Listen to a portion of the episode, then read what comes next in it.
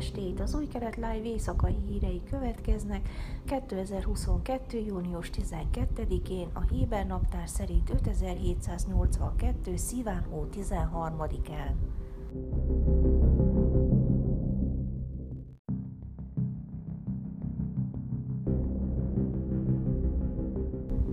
Vasárnap meghalt egy nő a Haifai Rambam orvosi központban, nem sokkal azután, hogy válságos állapotban találták súlyosan megsérült férje mellett.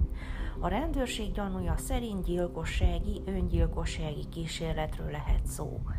A mentősöket reggel 9 óra 15 perckor riasztották a haifai lakásba, az El Mutanabi utcában, a két személyt találtak eszméletlenül szórt sérülésekkel. Az 51 éves nő kritikus, az 54 éves férfi pedig súlyos állapotban volt.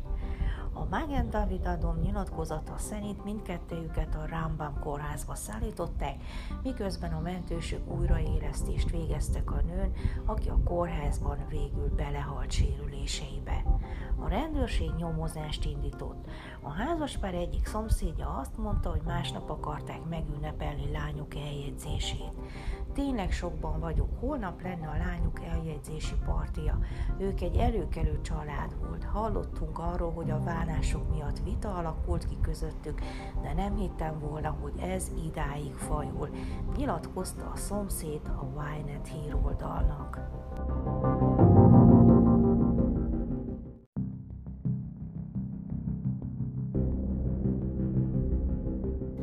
Három nubiai kőszári kecskét holtan találtak szombaton Micperámon sivatagi városban.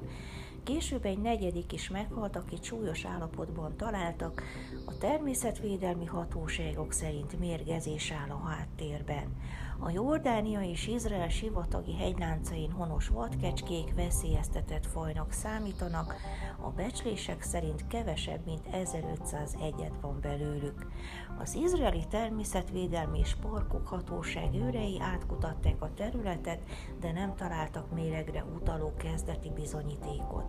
A hatóság állatorvosa Ronnie King közölte, az állatok tetemét elvitték boncolásra, hogy megállapítsák a halálukat. A feltételezés ebben a szakaszban ismeretlen forrásból származó mérgezés mondta.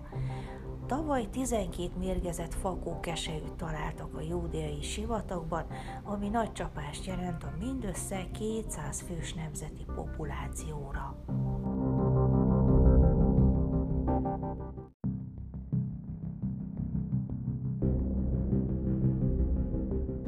Rövid hírek.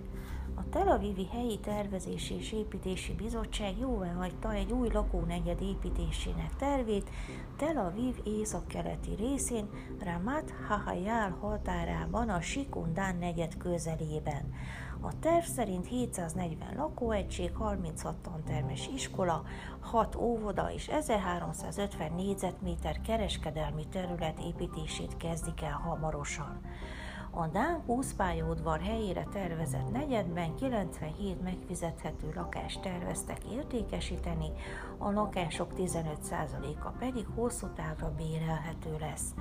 Továbbá a lakások 25%-a nem lesz nagyobb 50 négyzetméternél, 30%-a átlagosan 75 négyzetméter, további 30%-a átlagosan 95 négyzetméter, 15%-a pedig 110 négyzetméter alapterületű lesz. Költségvetés Izrael nem könyvelt kumulált állami költségvetési hiányt a május végéig tartó 12 hónapban. Ez az első alkalom 2008 óta, hogy a kormány 12 hónapon keresztül zéró hiányt jelenthetett be. A Központi Statisztikai Hivatal közdétett kezdeti becslései szerint májusban a költségvetési többlet 1,4 milliárd sékel volt, az ezévi eddigi többlet pedig összesen 33,3 milliárd sékel. 2021 megfelelő időszakában 34,8 milliárd sékel volt a költségvetés hiánya.